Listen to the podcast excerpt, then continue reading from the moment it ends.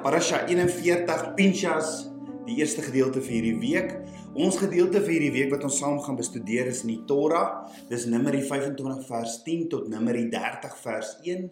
Dan die Haftarah, dis die tweede gedeelte in die Ou Testament, 1 Konings 18 vers 46 tot 1 Konings 19 tot 21.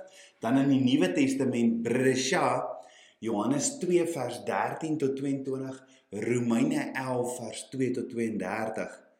Nou wie is Pinchas? Pinchas is die Hebreëse naam wat in die Afrikaanse Bybel vertaal word as Pinjas. Dis ook die naam van die 41ste gedeelte of parasha van wie die tweede vers van die gedeelte wat sê Numeri 25 vers 11 Pinjas, die seun van Eliezer, die seun van die priester Aaron, het my grimmigheid van die kinders van Israel afgewend deurdat hy my ywer my passie onder hulle geëiwer het sodat ek die kinders van Israel in my ywer nie verteer het nie. So in hierdie parasha sluit Abba Vader 'n verbond van vrede met Pinchas en sy nageslag. Ja, Abba Vader beveel 'n tweede sensus dan ook. Abba Vader antwoord vra oor die erfenis. Abba Vader stel Joshua aan om Moses op te volg en dan noem die offers vir die vaste vasgestelde tye. So ons sien in die gedeelte of parasha in die Torah in Numeri 25 vers 10 die passie van Pinchas. Uh Numeri 26 vers 1 is sensus wat gehou word. Numeri 27 vers 1 die dogters van Selofhat. Numeri 27 vers 12 Joshua word aangestel as Moses se opvolger en dan Numeri 28 vers 1 Abba Vader se afspraakkalender en offers. Die gedeeltes in die Haftra wat in die week saam bestudeer word, sien ons behels in 1 Konings 18 vers 41 die die droogte eindig. Ehm um, 1 Konings 19 vers 1 Elia vlug van Jezebel. 1 Konings 19 vers 11 Elia ontmoet met Abba Vader by Berg Horeb. 1 Konings 19 vers 19 Elisa word Elia se disipel. En dan die gedeelte in Hebreëse wat ook saam bestudeer word, die Nuwe Testament behels eh, eh, Johannes 2 vers 13 die reiniging van die tempel. Net nogal interessant as ons kyk hoeveel keer Yeshua die tempel gereinig het. Romeine 11 vers 2 die oorblyfsels van Israel. So Pinchas se naam in Hebreëus beteken mond of koper of brons Dit herinner ons aan die betekenis van die bronsinstrumente in die tabernakel, al die instrumente buite nê, in die in die voorhof Die bronsaltaar en al sy gereedskap by die bronsaltaar was ook brons en was gebruik alles alles was gebruik tot hierdie werk in die by die bronsaltaar wat ook die kruis verteenwoordig maar dit was alles gemaak van brons. Nou die bronsaltaar getuig van Abba Vader se oordeel want by die bronsaltaar wat simbolies die kruis is was sonde geoordeel en die vonnis voltrek. Hier het die onskuldige in die plek van die skuldige gesterf. Yeshua het die loon van die sonde, naamlik die dood, namens ons gedra. Hy het 'n vloek geword.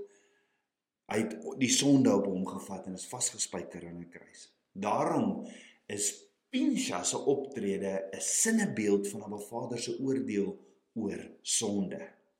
In Psalm 106 vers 28 tot 31 staan: "Ook het hulle van Baal Peor gekoppel En die offerandes aan die dooies geëet en hulle die Here geterg deur hulle dade sodat hulle plaag onder hulle uitgebreek het. Toe het Pinjas opgetrek en gerig geoefen en die plaag het opgehou en dit is hom gereken tot geregtigheid van geslag tot geslag in ewigheid. So Pinchas is hierdie is hierdie mighty warrior, is hierdie hierdie ou wat opstaan vir iets en ons gaan daarna kyk. Jy sien die oordeel van Abba Vader sal by sy huis begin. Die oordeel van Abba Vader sal by sy huis begin. Want 1 Petrus 4 vers 17 sê, want die tyd is daar dat die oordeel moet begin by die huis van God. En as dit eers by ons begin, wat sal die einde wees van die wat aan die evangelie van God ongehoorsaam is? So omdat Abba Vader se oordeel by sy huis begin, is Pinchas se optrede in hierdie parasha 'n bevestiging Dis ook dit wat Yeshua gedoen het by die tempel. Ons gaan daarna kyk. So die sonde van die kinders van Israel is veroordeel en daarna die sondes van die Midianiete want Numeri 25 vers 17 tot 18 sê behandel die Midianiete as vyande en verslaan hulle want hulle het julle as vyande behandel deur hulle liste wat hulle teen julle gedink het in die saak van Peor en en in die saak van Cosbi die dogter van die vors van Midian hulle landgenoot wat op die dag van die plaag weens Peor verslaan is Die goeie nuus is egter dat die dat die bronsaltaar ook getuig van Abba Vader se genade, van vergifnis en reiniging van sonde. Maar hoe hanteer jy die wat Abba Vader se woord ongehoorsaam? Ons moet wakker wees. Ons moet wakker wees teen alles wat teenstrydig met Abba Vader se woord is. Ons mag dit nie duld nie, mag geen kompromie sluit nie. Maar Yeshua leer ons ook in Matteus 5 vers 44 en sê: "Julle moet julle vyande lief hê. Seën die wat julle vervloek, doen goed aan die wat julle haat en bid vir die wat julle beledig en julle vervolg, sodat julle kinders kan word van julle Vader wat in die hemel is." Want hy laat sy son opgaan oor slegtes en goeies en hy laat reën op regverdiges en onregverdiges. So kom ons kyk in die week se parasha gedeelte in Numeri 27 vers 1 tot 4 wat sê Abba Vader vir ons. Daarna het hy nader gekom, die dogters van Selofhat, die seun van Hefer, die seun van Gilead, die seun van Magir, die seun van Manasse, van die geslagte van Manasse, die seun van Josef. Dit is die name van sy dogters, Malga, Noa, Hogla, Milka en Tirsa en hulle het gaan staan voor Moses en die priester Eliezer. Eliezer was nou hoofpriester en voor die owerstes en die hele vergadering by die ingang van die tent van samekoms, by die ingang van die tabernakel en gesê Ons vader het in die woestyn gesterwe en het nie behoort by die bende van die wat teen die Here vergader het in die bende van Korag nie. Maar hy het op hy het om sy sonde ontwil gesterwe en geen sensus gehad nie. Waarom sou die naam van ons Vader uit sy geslag weggeneem word omdat hy geen seun gehad het nie? En ons 'n besitting onder die broers van ons Vader. So Numeri 27 het te doen met my en jou verlossing want sonder dit is ons nêrens. Nou daar's 'n ooreenkoms tussen die optrede van Pinchas en die van die dogters van Selofhat in die sin dat dit in beide gevalle 'n beslissing van Abba Vader vereis het. As ook albei gebeur by die tabernakel. Let wel dat daar by beide partye geen sprake van rebe, uh, rebellie betrokke was nie. Beide Pinchas en die dogters van Selofhat het dus nie teen Abba Vader se gesag gerebelleer nie. Nee, in beide gevalle was die vertrekpunt van die aksie ook 'n geldige een in Abba Vader se oë. Dis was dit reeds in Abba Vader se hart gewees. Maar in beide gevalle was dit tot op hierdie stadium nog nie geopenbaar aan Moses nie. So Abba Vader het dus mense gebruik om dit wat in sy Vader hart is aan Moses bekend te maak. En beide Pinjas en die dogters van Selofhat is bevestiging dat Abba Vader enige persoon kan gebruik om aspekte van sy ewige wil tot lig uit te voer. So Pinchas het nie na Moses in die leierskap gegaan nie, want die situasies het drastiese optrede vereis waaraan die leierskap tot op hierdie stadium niks aangedoen het nie. Die vyf dogters van Selofhat het egter wel na Moses toe gegaan want tyd het dit toegelaat.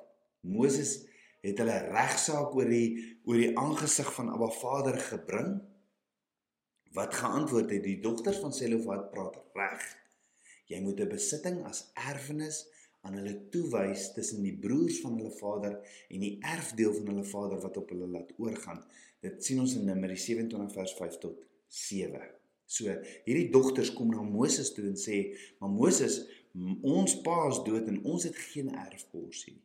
En Abba Vader antwoord: Met ander woorde, daar ontstaan 'n situasie waar optrede sonder goedkeuring van die leierskap geregverdig is. Maar daar's ook 'n situasie waar Abba Vader se aangestelde leiers 'n saak geken moet word in 'n hulle moet in 'n sekere saak geken word. Daar kan nie net aangeneem word nie. Maar hierdie vyf dogters van Selofhad se pa is oorlede en hulle sit sonder 'n erfporsie. En hoe dit daardie tyd gewerk het is, die vader se erfporsie sou na die oudste seun toe gegaan het of wie ook al die reg voorgegee is. Maar wat gebeur as daar geen seun is nie, soos in die geval met hierdie Selofhad dogters? So hierdie dogters sit met 'n groot probleem want die erfenis is direk gekoppel aan die land. En as jy nie land het nie, kan jy nie 'n um, 'n oes opbring wat gefinaliseer vir almal sorg uh, wat finansiëel vir almal sorg vir die hele familie nie. So hierdie dogters gaan sien nie eers hulle stamleier of Moses se ouderlinge wat eintlik eers die probleem moet oplos nie. Hulle gaan nie na na die na die stam, na die na na watter stam hulle ook al is en gaan bespreek met hulle. Hulle loop reguit na Moses toe om die probleme op te los. Maar hulle kom direk na Moses toe en Moses vat toe die saak direk na Abba Vader toe want dit is so groot en belangrike saak. Wat nou? Wat gebeur? Net vir my baie interessant dat hulle nie die regte protokol gevolg het nie. Hulle het hulle het die leiers oor oor oor 50 of 100 geskep as ook die stamleiers, as ook die ouderlinge, maar hulle stap reguit na die tabernakel toe want hulle was so so desperaat. Nie enige vrou het sommer na Moses toe geloop en gesê: "Haai Moshi of Moses, hoe gaan dit nie?" Nee. Maar hierdie dogters het dieselfde gees as Pinchas. Daar's iets in hierdie week se gedeelte wat jou laat opstaan met hierdie ywer vir wat reg is in Vader se koninkryk. Hulle was soos Pinchas jaloers. Hulle was vol ywer want hulle wou nie hulle pa se erfborsie verloor het nie. So hierdie vyf dogters weet ook toe presies wat om vir Moses te sê. Want hoor gou wat sê hulle vir Moses. Ons vader het in die woestyn gesterwe en hy het nie behoort by die bende van die wat teen die Here vergader het in die bende van Korag nie. Maar hy het om sy sonde ontwil gesterwe en geen seuns gehad nie. Met ander woorde, hulle sê eers vir Moses, hulle pa was nooit deel van Korag se bende van rebellie wat in opstand teen Moses gekom het nie. En toe vertel hulle vir Moses van hulle pa. So hulle begin dadelik met Moses se emosies. Baie strategies is dit nie.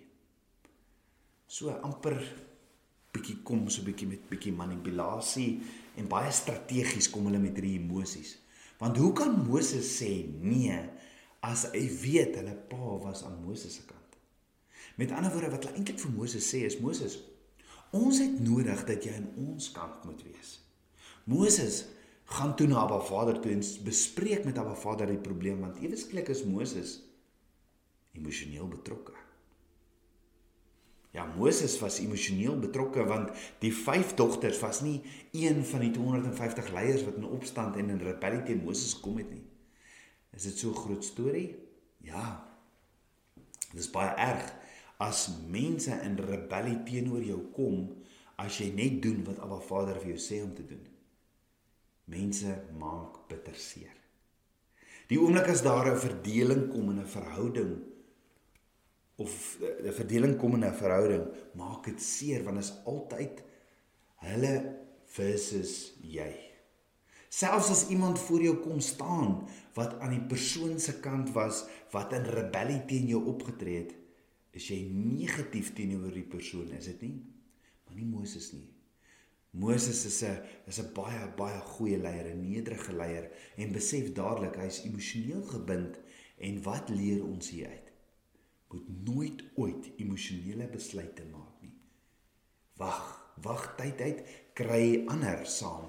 So as jy emosioneel gebind is, loop weg. Gaan praat met Abba Vader en wag vir hom tot en met hy vir jou wys wat om te doen of om te sê.